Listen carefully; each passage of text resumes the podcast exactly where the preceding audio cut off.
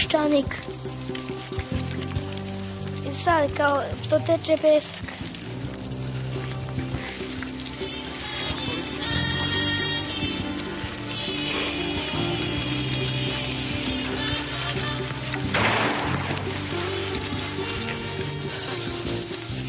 Živećemo, radit ćeš ko rob. Bićemo robovi. Nije to hak, to smo mi. Peščanik.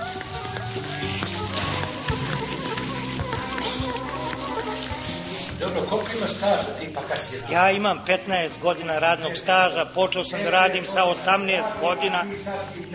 A, ma, nisam se ja naradio, ja hoću i dalje da radim, ali mi ne dozvoljavaju da Ne dozvoljavaju mi da radim.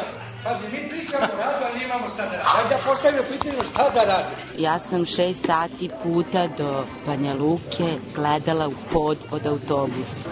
Nisam više mogla da podnesem da gledam srušenu, spaljenu, izrešetanu. Srušenu, spaljenu, izrešetanu. Peščanik. Možda Đinđić to hoće što je. Trči, skači, plivaj.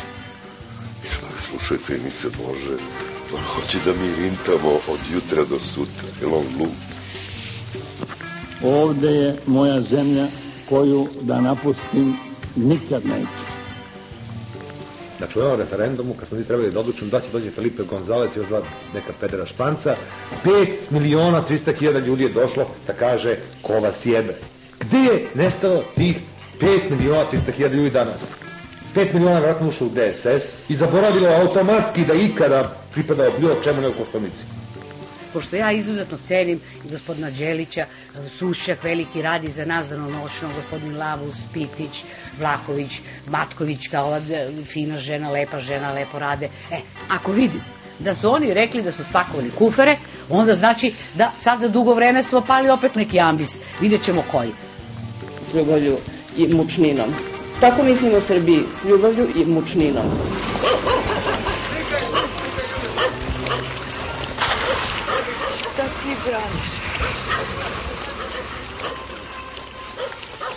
Peščanik.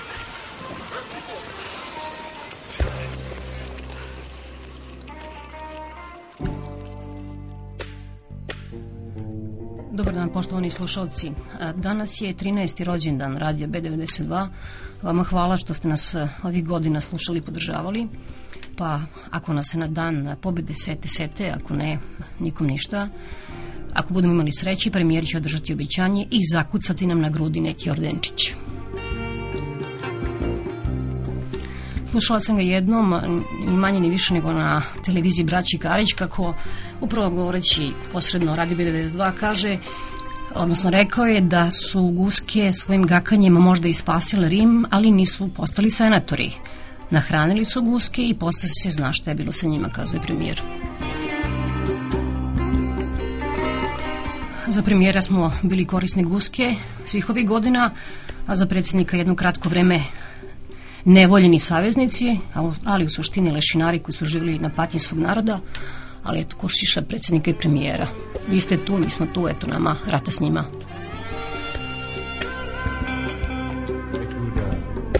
Važno je, e, verovatno, da naši građani prema poslednjim istraživanjima javnog mnjenja najviše poverenja imaju u crkvu, vojsku, koštunicu i policiju.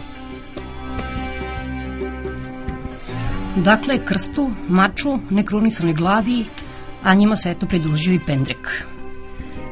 I šta onda sledi? Da se zahvalimo, hvala crkvi što nas sa mnogo razloga preporučuje za izabrani narod i lobira kod gospoda, hvala Koštunici što nam u odsustvu Miloševića čuva dostojanstvo i hvala policiji što nas više ne mlati ko stoko po ulicama, što poštuje zakon i vezuje pojas u ovim novim pežojima kojim smo im kupili da jure lopove i ubice. I najzad i možda pre svega hvala vojsci što nam sinovi i braću prima u svoje redove i tako im izdaje potvrdu da su postali pravi muškarci. Hvala joj što se tako časno i uspešno ratovala, što na čelu ima tako važnog i tako značajnog viteza kao što je Pavković, koji sada, videli ste, za vojsku traži još 14 milijardi dinara. A pare traži, kako patetično kaže da na zimu vojnici mogu toplo da se obuku, da se ogreju, pojedu nešto malo vojničkog pasulja i možda je sve to tačno, ali za Boga miloga ili ima neko drugi da traži od nas 14 milijardi dinara, ne general Pavković.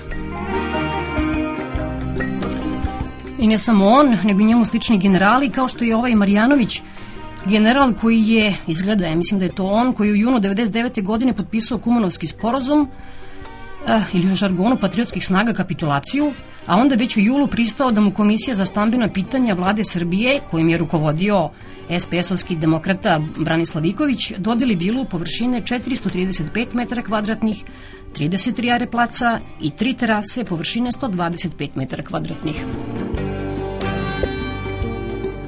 Rekonstrukcija rezidencije generala Marjanovića plaćena iz budžeta 17 miliona dinara, general je naravno vilu pošteno otkupio za 290.000 dinara. Ovo su podaci Ministarstva za financije koje je podnelo krivičnu prijavu protiv odgovornih za ovaj kumanovski dar generalu Marjanoviću.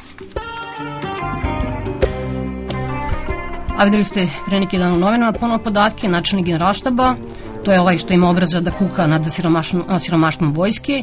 U času, dakle, kada a, traži tih 14 milijardi, objavljaju se podaci o njemu namenjenoj vili, koji se do duša među vremenu odrekao, u Užičkoj 28, za koju je potrešeno 118 miliona dinara, I šta da kažete kada je za Biedermeier vitrinu plaćeno 280.000, kada je za jednu fotelju plaćeno 7.000 maraka, kada je za namještaj nekoj italijanskoj firmi plaćeno miliona maraka, a bazen od 620 metara kvadratnih, zatvoreni bazen i lift u kući da odmori svoje viteške noge neću ni da pomenjem.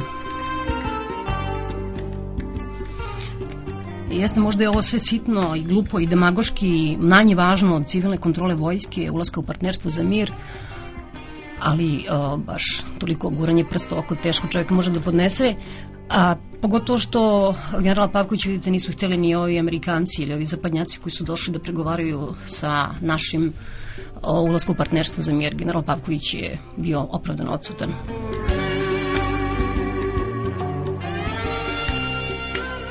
A, šta, šta se traži, šta nam treba, to je stvar koja se najčešće pominje, to je nezavisno sudstvo. Doduše, možda vidite po Beogradu onaj billboard ogroman billboard na kome piše tražimo nezavisno sudstvo, potpisalo mislim društvo sudije Srbije. Ja ne znam, meni dosta iritantno izgleda taj billboard, šta ima da traže o, o, po panojima, po beogradskim ulicama, valjda ima nekog načina da se za to izbore. Međutim, kažu da mi često brkamo kada se žalimo na, na nepravdu i na nezavisno sudstvo, da u stvari govorimo o sudijama, da bismo morali mnogo više u stvari da A, imamo pribedova na rad tužilaštava, advokata e, i svih ovih ostalih faktora koji učestvuju u donošenju nekakve a, pravosnažne odluke.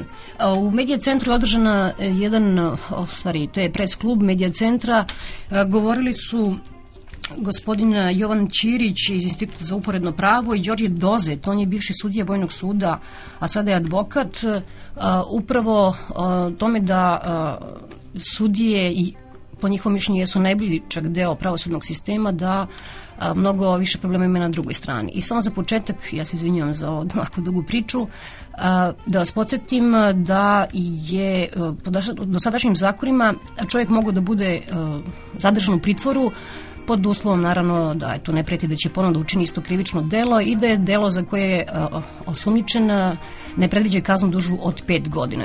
To se umeđu vremenu promenilo i sada a, je neko može biti zadržan u pritvoru pod uslovom dakle da se veruje da neće ponoviti to delo i da kazna nije, predviđena kazna nije veća od 20 godina. Međutim, ima tu nekih problema. A, govori za početak Jovan Ćirić iz Instituta za uporedno pravo.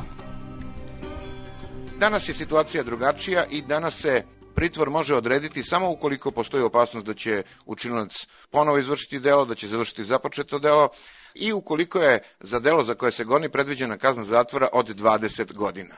Ne kaže se naravno više ono o uznemirenju javnosti. I naravno odmah možemo zamisliti jednu situaciju na primjer, silovanje, jedno vrlo teško krivično delo za koje nije predviđena kazna zatvora od 20 godina.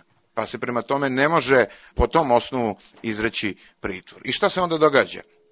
Zamislimo situaciju da jedan komšija u jednoj višespratnici soliteru izvrši silovanje nekakve, neke maloletnice.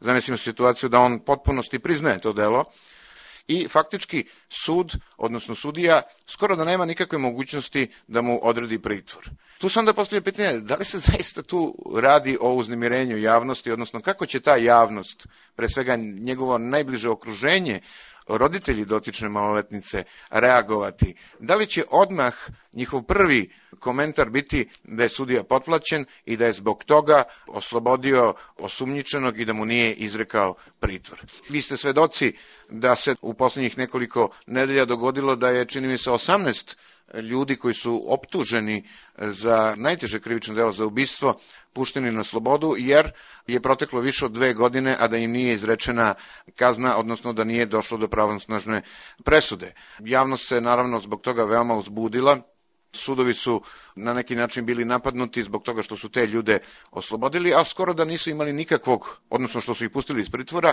a skoro da nisu imali zbilja nikakve mogućnosti da ih zadrže dalje u pritvoru.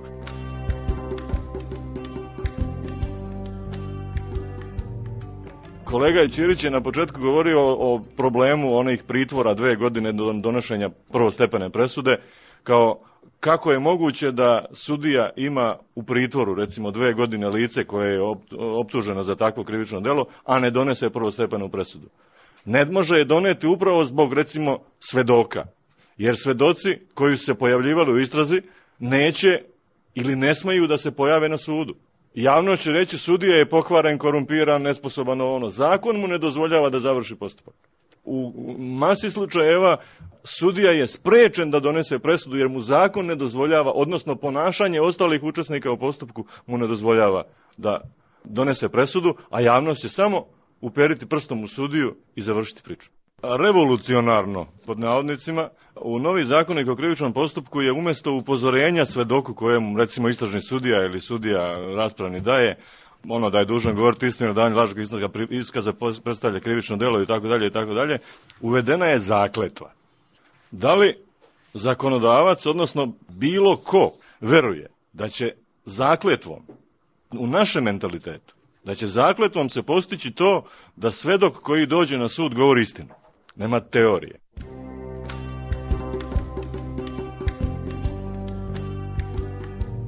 Što se tiče ovih čestih etiketa o korumpiranosti sudija, čini mi se da upravo iz advokature često potenciraju tu priču, jednostavno želeći da kažu svom klijentu daj mi 10 ili 20 hiljada maraka, ja ću to sve srediti sa sudijom. Pa sad ako uspe, Naravno, on ni ne pita sudiju, ali ako uspe, onda, će, onda kaže to je jednostavno zato što sam ga podmitio, zato smo i uspeli, a ako ne uspe, onda kaže pa ovaj drugi je dao više. Tako da, jednim dobrim delom su advokati ti koji su krivi za tu sliku o sudijama i o korumpiranosti sudova. Pravim veliku razliku u kvalitetu tužilaštava i sudova. Mnogo više vukova, odnosno lavova, postoji u sudovima nego u tužilaštvima. U tužilaštvima su redki. Problem u tužilaštvu je što je funkcionalno postavljen tako da mu da uvek postoji neko iznad njega. Dakle, oni postoje da bi štitili društveni interes. Društveni interes, priznali mi to ili ne, zavisi od e, vlasti. Tužilac ima mogućnost, ako mu ima gomilu dokaza da je neko lice izvršilo određeno krivično delo, a njegov pretpostavljeni tužilac mu zabranjuje da postupa u tom predmetu, odnosno da odbaci krivičnu prijavu, mu naređuje ili mu sugeriše, tužilac koji ima obraz će onda sazvati konferenciju za štampu i to izneti. Ali nešto se ne sećam u proteklih 20 godina koliko sam ja u pravosuđu da je to neki tužilac napravio. A tvrdim da, takvi, da je takvih predmeta bilo jako mnogo.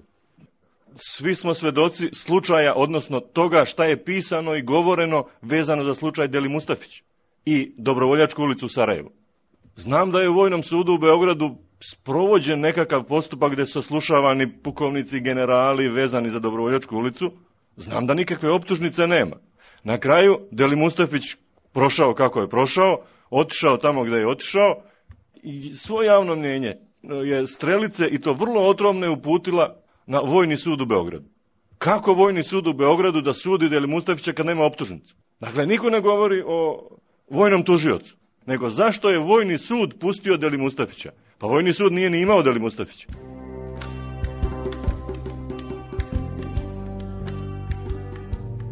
Ja sam Aleksandar Cvejić, pravni savjetnik Komesarijata za ljudsko pravo i njih nacije u Beogradu. Kratak primer i molio bi vaš kratak komentar. Sudija e, Beogradskog okružnog suda Pavle Vukašinović je razrešen dužnosti jer je osudio Vladimira Nikolića, radnika DB-a u poznatom procesu.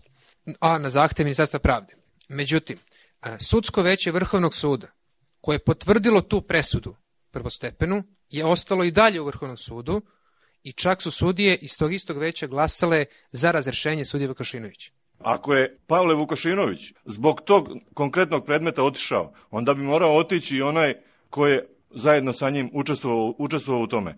Dakle, tu se slažemo. Ali to je onda pitanje za gospodu koja su po zakonu opet ovlašćena da pokrenu postupak razrešenja od dužnosti. Činjenica je da u istoriji našeg pravosuđa, u svakom sudu, svaki predsjednik suda zna kojem sudiji može koji predmet dati da radi. Zna se kako se to odrađuje. Daje se određenom sudiji, da, zna se unapred koji će tužilac da postupa, zna se unapred koji će, koje će veće u drugom stepenu da postupa i završena priča. Ali da bi do tog došlo, to ne može da učini advokat. Dakle, ono što je kolega Ćirić na početku rekao da smo mi advokati jedan od uzroka te priče o korumpiranosti. To advokat ne može da učini. To može da učini samo onaj ko je na vlasti.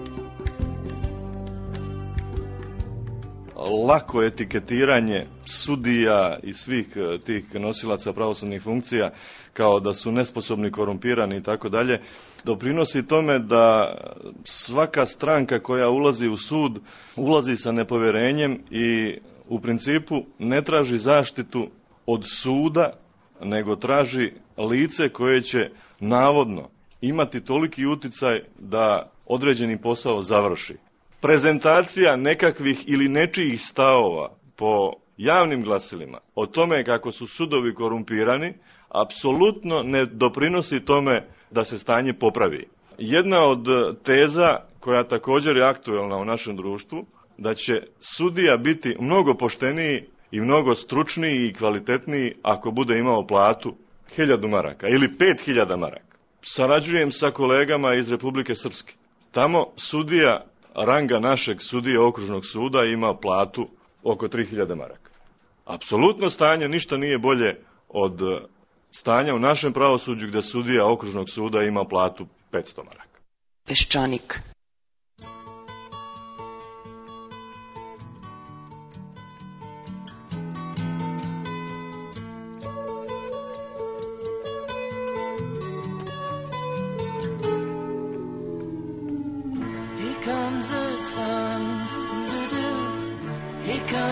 something I say, it's alright.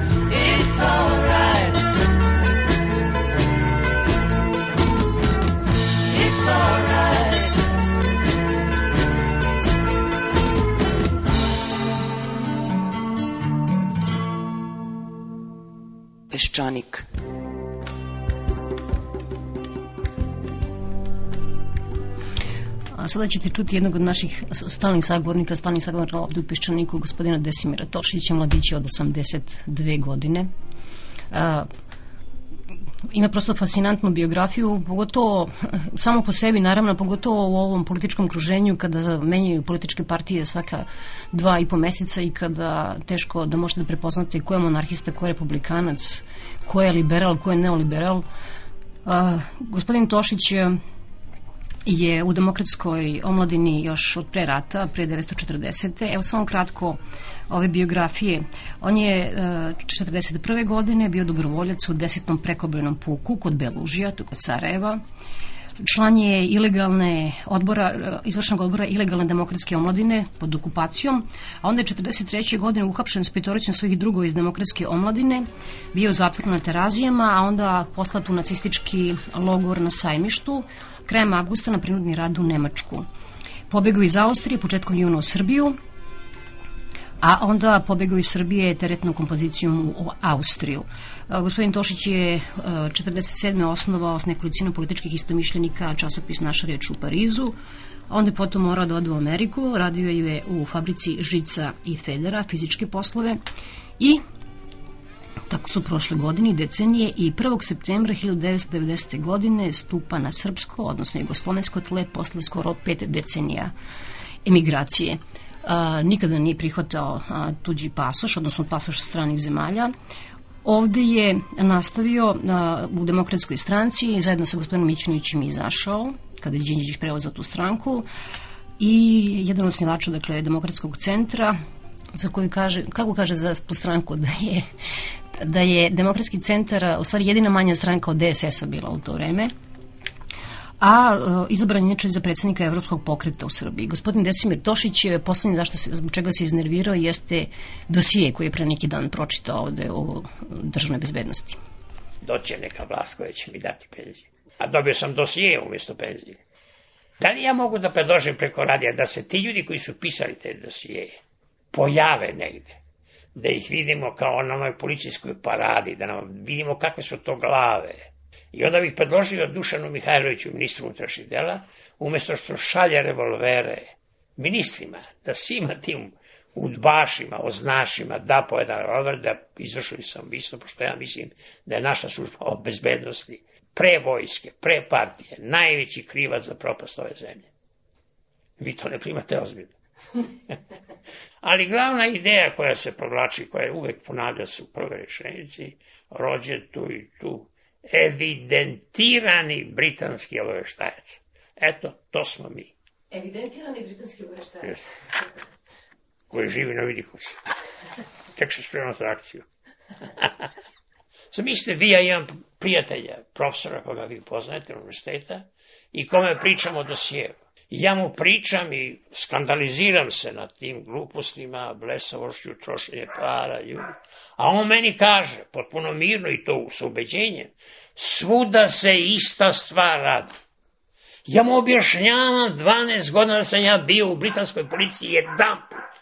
Pa Magarčino jedna ovde Milovan Đilas zbog knjige koja se zove Susreti sa Staljinom na engleskom jeziku inostranstvu dobije pre 40 godina 13 godina robije.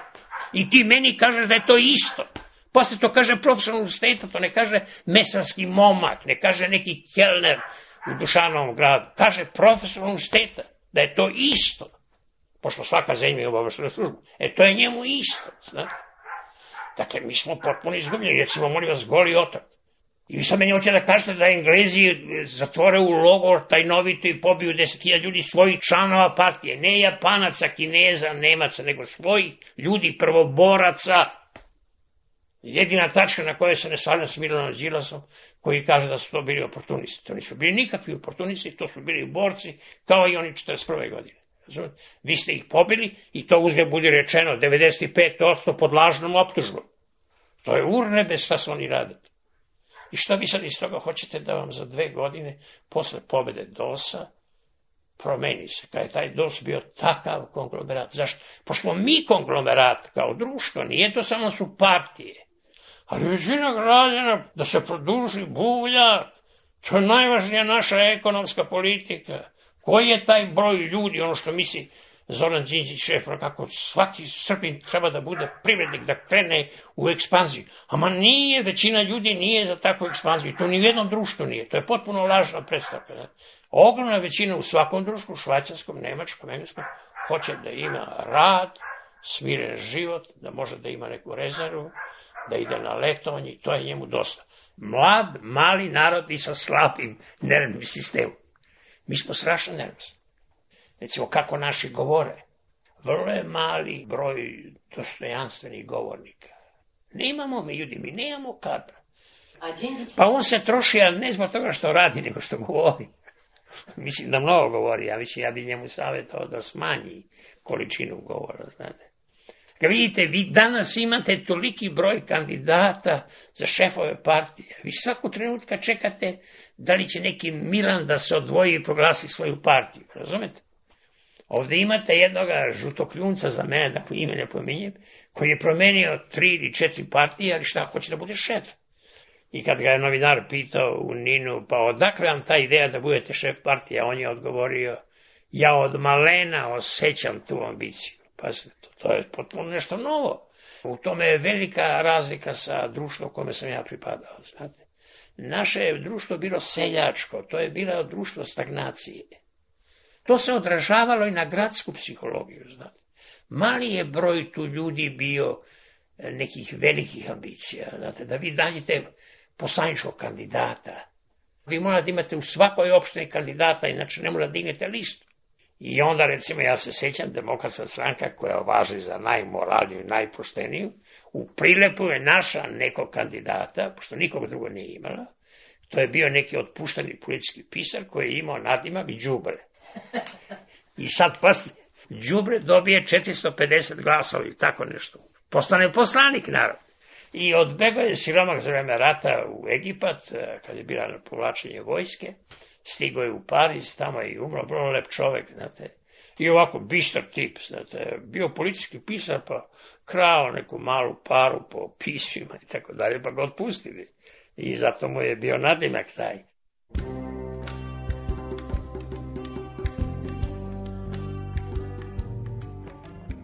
Ovo što se desilo sa obaveštenom službom, dešava se sa vama. Pošto naše novine ne obaveštavaju. Ili vode politiku, mali deo, ili prave pare. U Velikoj Britaniji ta žuta štampa služi za zabavu. Skandali, seks, preljube, krađe, afere. Ali to na građanina nema nikakvog uticaja kad on glasa. Kod nas žuta štampa ima politički uticaj. Situacija je, što bi rekli komunisti, složena, znate. Ali ona ne može da bude bolja. Mi smo jedan mali narod, zabasao mrak, izgubljen.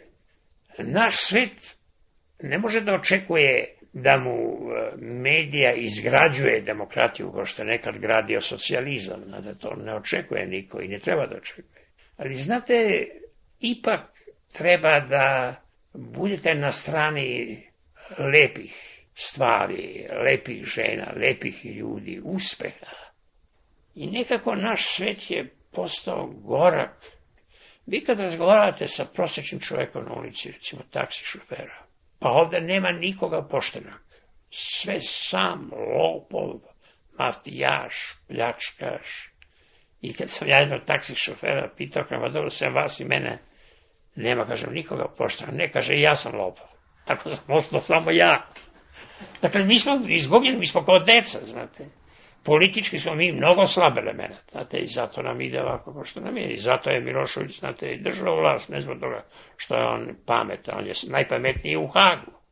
On tako dobro izgleda u Hagu da ga je trebalo odavno zatvoriti da se pokažu njegove sposobnosti. Znate, mi do pre toga nismo mogli da primetimo.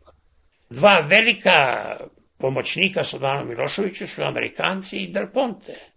Del Ponte sa svojom nesposobnošću kao javnog tužioca, a onda te Amerikanci s tim zahtjevima, znate, koji su detinjski, koji traže, oni traže da se neko nekom izvini, pa lista njihovog izvinjenja je mnogo duža od naše, znate. Ja neću da uradim kao što je bilo na utisku nedelja, da to pominjem. Tako da još uvek je mutno, znate. Ja shvatam da je vrlo pozitivno što je ova naša spojna politika aktivna, znate, bez obzira što možda nije određena, nije jasna. Ljudi kao što su Čović, Svilanović, Mićunović, Ljajić, to je pravi posao i to je uspešno, znate. Sad, e, da li će da dati neke opipljive rezultate? Ja mislim da.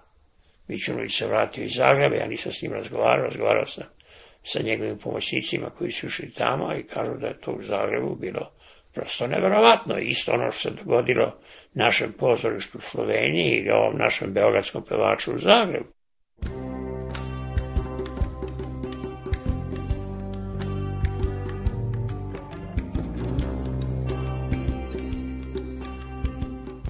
Šteta je što ste ubili Dražu Mihajlovića, jer da je on doživio ravnogorsku čitanku, on bi bio prvi, pre mene, da to osudi.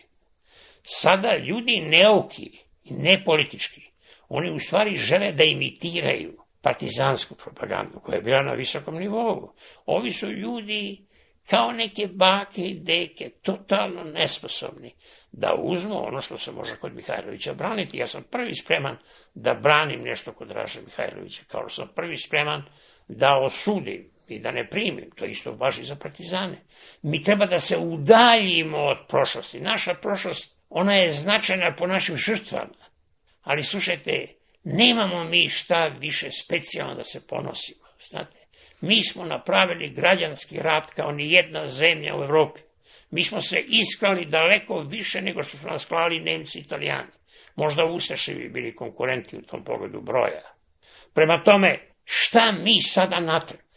I moram da kažem, to nisam mislio sad. Ja sam to mislio 50. godine.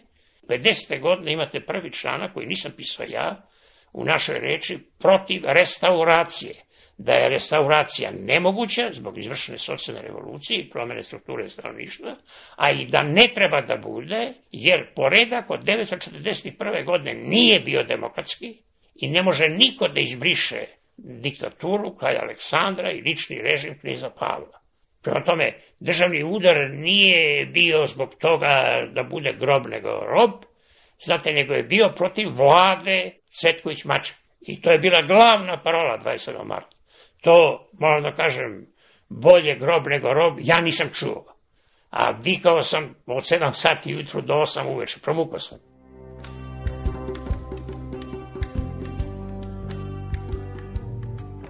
Ja uopšte plašim da je zemlja Srbija bez uvarenja, zato Srbiji smetaju ljudi, recimo kao Đilas. Mislim, on misli, pa zbog svojih misli ide na robiju, pa to mora, nije, nije naš čovjek, tako? E sada, kod e, predsjednika Saveza Republike očividno postoje duboka nacionalna, čak bih rekao nacionalistička uverenja. On je ličnost religiozna i ja sebe smatram religioznim, ali smatram da religija to je moje lično, intimno. Kad se molim Bogu da to niko ne gleda, a još manje snima. On u stvari nema pravu političku stranku, znate. Ja pravim jednu dosadku koju verovatno neće voliti moji prijatelji iz demokratskog centra, ali ja mogu da je kažem javno, se ja još uvek, iako imam dosije, ne plašim od neke partijske policije. DSS je bio veći samo od demokratskog centra. To je mala stranka, znate. I sad su tu ljudi nagrnuli, znate, koji su žedni vlasti. Svi hoće da budu šefovi. Da li vi možete neke stranke da zamislite bez tih šefova? Zamislite da jedan šef partije umre. Ta partija mora odmah da se raspadne. Zašto? Pa nema ništa u njegu. Tako da ja lično mislim da bi on najviše voleo, iako ljudi njega posmatraju kao isto tako žedni za vlašću, ja lično mislim da nije da je on čovjek koji, ja mislim, verovatno rado to sve napustio, iako ne napušta, znate.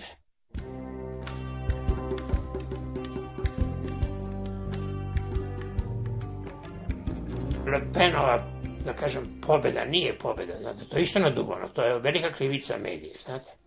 Naravno, francuski, francuzi su bili uvređeni, i što bi rekao naš predsjednik u svom dostojanstvu republikanskom i demokratskom ali u stvarnosti, znate, ovi levi magarci su se podelili, znate, da nije bilo Reševenmana, koji je jedan ozbiljan čovjek i bandoglav, znate, on je već napuštao vladu Mitteranovu zbog rata u Iraku. To je neki možda je Srbin poreklo, znate, stalno se ne slažu.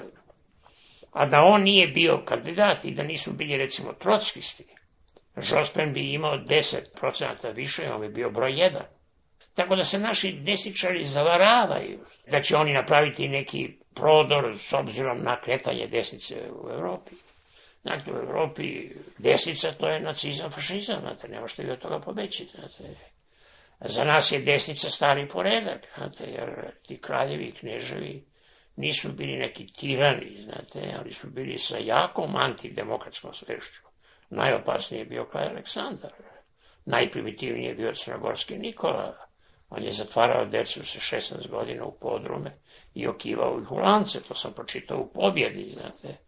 Naravno, najbolji je knez Miloš Obrenović. On je u tom pogledu naš otac represije. Tako da ja sam vrlo osjetljiv, što ja pripadam jednom gledištu koje je potpuno antifašističko i antinacističko, kao što je antikomunističko. Ja sam u politički život ušao kao gimnazist u doba španske, španskog veljanskog rata. Ja sam bio tada, kao i svi ljudi progresivni, bez ove su bili komunisti ili ne, protiv Franka, protiv državnog udara od strane armije. Meni armija stoji od 36. godine na glavi, ja se sa njom gonim, koliko ja mogu, ona je jača od mene, naravno, ali ja mogu uvijek da joj se nasmeju brk, pošto armija naša nema čime da se pohvali posle 45. godine. I bilo bi dobro da bude negde u nekome čošku, skoro nevidljiva. U Evropi će se uopšte armije svesti na ni na što, tako reći, tako da mi treba da se pripremamo duhovno, i da naši ljudi ne brbljaju kad ih pitaju koga imate poverenje, imate vojsku, šta znate vi o vojsci? Ja nemam jasnu sliku o paklu, a mislim da čak ni vladike naše to ne znam kako izgleda. Ali to što je bilo Sarajevo, to je bio pakao. I sad mi diskutujemo da li treba zaštititi jednoga generala koga je naša ta slavna vojska u kojoj imamo puno povorenje. Takvog jednog čoveka štiti i čuva ga već više godina. I onda se pitate, a zašto nas ne trpe u inostranstvu? Zašto nas satanizuju? Pa ste ovo što večeras mi e, drhtimo na tom pojavom desnice, na tim pojavama koje su razarajuće politički moralno, a naša publika sluša neku budalu ovaj, iz provincije koji nam preti da će biti predsjednik Republike iz inata. Molim vas, mi smo jedina zemlja u Istočnoj Evropi koja ima političku stranku koju je formirao jedan profesionalni ubica i pljačkaš. Pazite. To smo samo mi uradili. I šta vi očekujete? Kako vi očekujete kad nam neka recimo budalčina senator kaže da se mi izvinimo? On verovatno prvo pojma nema o celini problema, ali ima ovaj problem koji se je naveo. Takvi ljudi treba da se izvine. Razumete? Ljudi koji su po Bosni išli, opljačkaju, ubiju, pa onda naprave krst nožem na grudima, znate. Pravoslavci. Peščanik. Bio gospodin Desimir Tošić, onda nastavljamo priču o desnici. Od prošlog puta vam još dugo imao komentar eh, gospođe Svetlane Slapšak. Eh, Komentar se zove Posrebljavanje Francuske, ovo malo kasnimo, ali eto priča o desnici eh, kod nas nik- nikada ne zastareva. Jedan politički klovan, Širak, uspeo je da uz pomoć većine udari u nižu pozadinu glupljega klovna Lepena. Možda nikada ranije u modernoj istoriji Evrope nije jasnije pokazano koliko je glasanje efemerna stvar, koja ima samo tehničko značenje.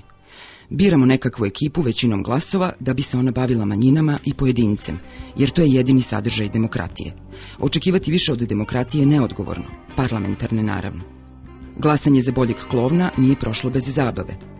Prodaja štipaljki i gumenih rukavica, sa kojima su nevoljni birači Širaka paradirali pokazujući zorno svoj stav, naglo je porasla. Treba će im i u budućnosti. Garnitura uspešnijeg klovna donosa je u finansijskim aferama, zloupotrebi položaja, stvari se vuku već skoro deceniju, a sluzavi trag u javnosti podrazumeva i nebrojeno mnogo puta hvatanje u laži. Doduše, sam Širak nije osuđivan za fizički napad na poslanicu druge partije, kako je to slučaj sa Lepenom. Hvatate neke paralele. Mnoge sem jedne. Širak se kune u republiku, jednakost i slobodu. Ostanimo pri republici. U društvu u kojem je notorna stvar da poslanik koji je učestvovao u ratnom ubijanju i pljačkanju srećno nastavlja parlamentarnu karijeru u društvu u kojem premijeri i mnogi drugi na najvišim mestima očijukaju sa kraljevskom porodicom i crkvom, u društvu u kojem afere i ubistva nisu ni načeti skoro dve godine posle promene vlasti, republikanstvo je možda jedina tačka potpunoga neparalelizma, nerazumevanja šta se to u Francuskoj događa. Sve drugo se može smestiti u oblike koji su poznati, naši. Republikanstvo je savršeno neprozirno.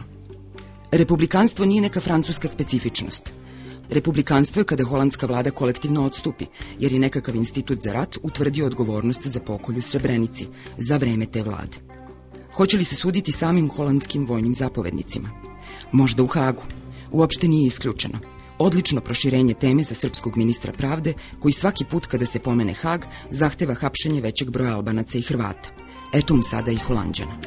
Dalje izvlačenje paralela sa Srbijom, gde se niko ne kaje, bilo bi mučno. No ponašanje holandske vlade neposredno pred izbore lep je primer republikanskog mentaliteta. Možda će im ovaj čin obezbediti nešto dodatnih simpatija birača, ako je pretpostavka da birači reaguju na etičke činove. No ključno je to da je odgovornost na vlasti nešto potpuno drugačije od lične odgovornosti, te da prema tome odgovornost vojske, koja je pod neposrednom komandom vlade, prelazi na vladu.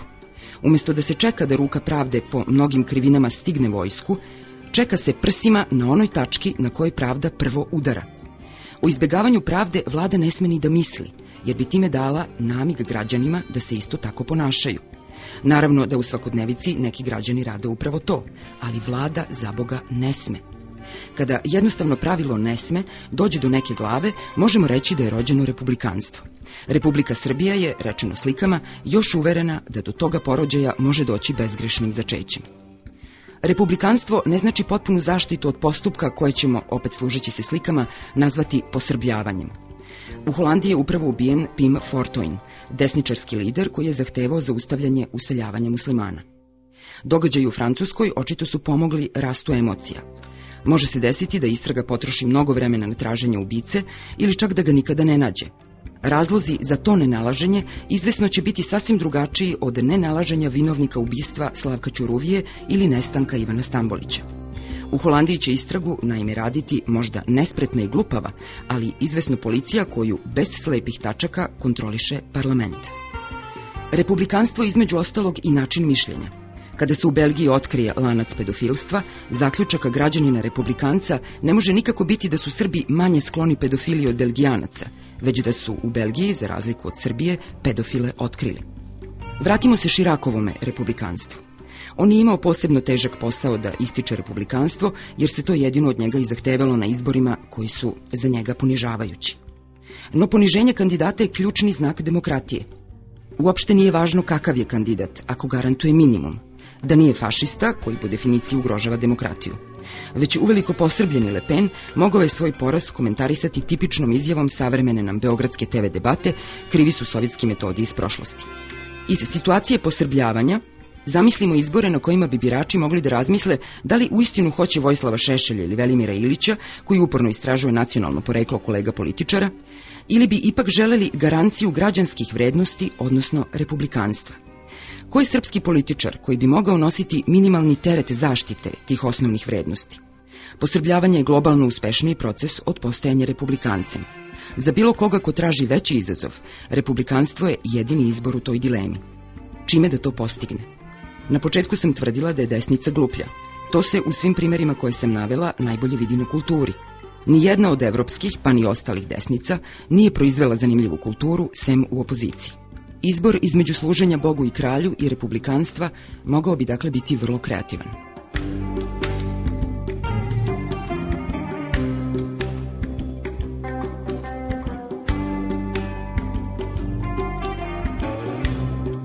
Peščanik.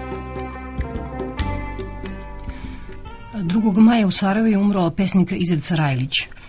Iako poznim godinama, on je odbio predlog svojih prijatelja da napusti Sarajevo za vreme opsade ovog grada i ostao je dakle, u Sarajevu svih godina rata.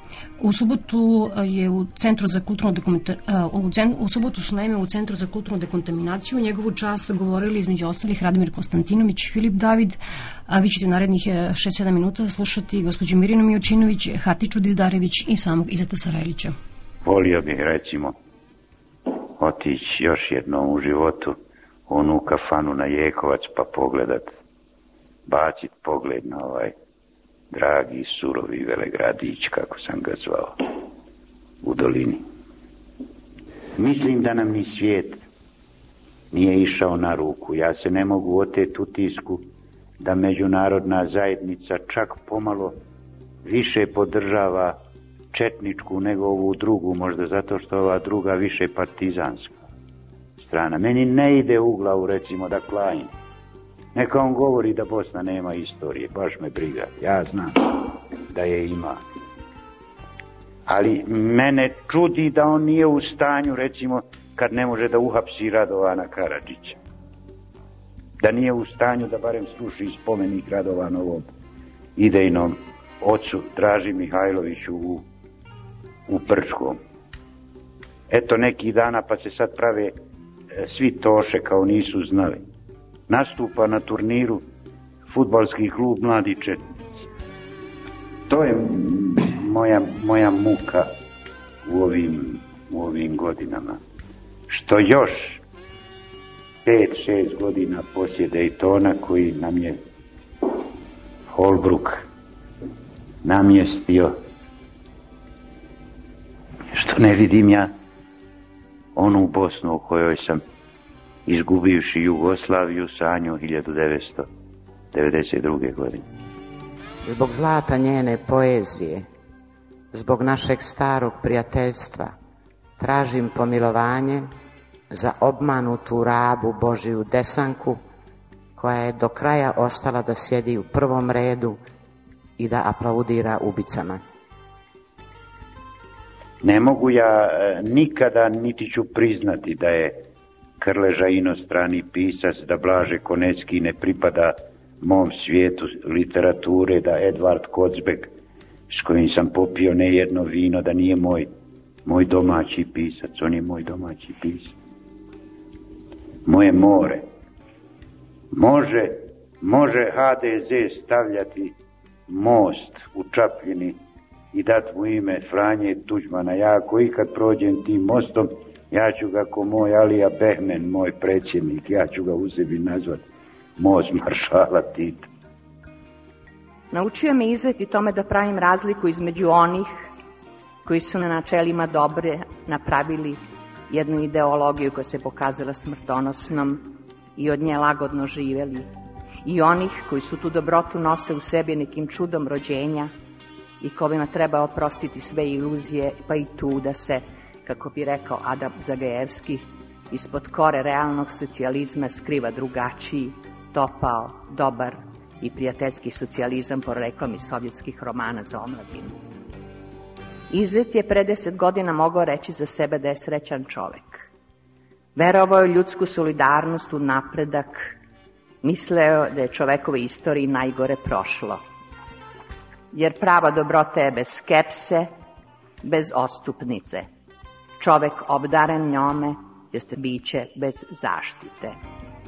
Iako sada zapitam sebe otkud tolika izetova nežnost prema meni, koja dolazim iz grada i potičem iz naroda koji su mu naneli toliko patnji, koji su mu što je najgore slomili srce, onda to mogu najlakše da protumačim njegovom upornom željom da veruje kako je sve ovo što se bilo samo slučajna eksces, mora iz koje ćemo se svi probuditi s radošću i kajanjem da ćemo mu reći oprosti izete, a on će nam reći sve vam je oprošteno ili će reći nešto manje patetično, nešto šeretski, duhovito, slično odgovoru koji je dao jednom poznaniku kad ga je ovaj, videvši ga sa zavojem na glavi, zapitao šta se dogodilo.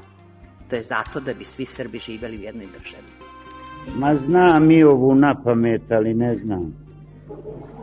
Ne znam jesam ni siguran. Ako je ne nađem, počeću je na pamet. Posljednji tango u Sarajevu. 94. 8. mart.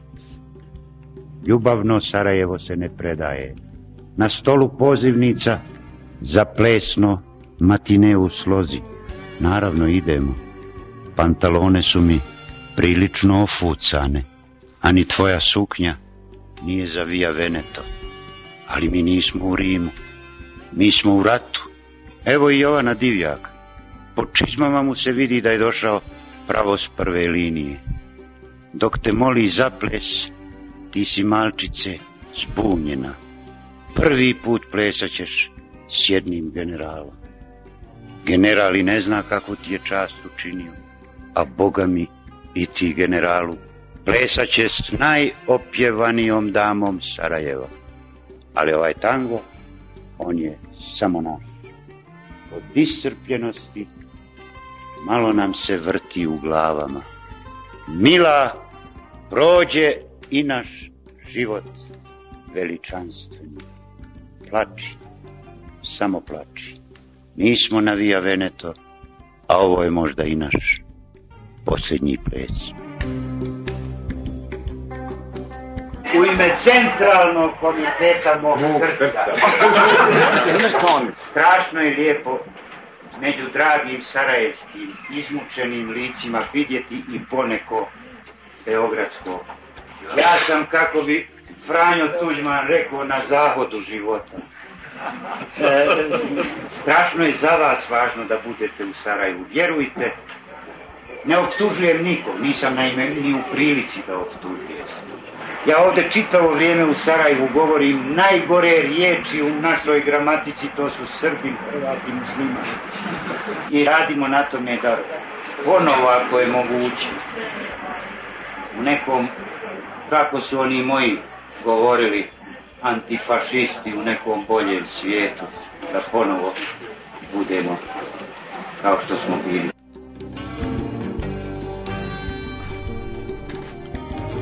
Hvala što ste slušali emisiju Peščanik prijetno. Peščanik.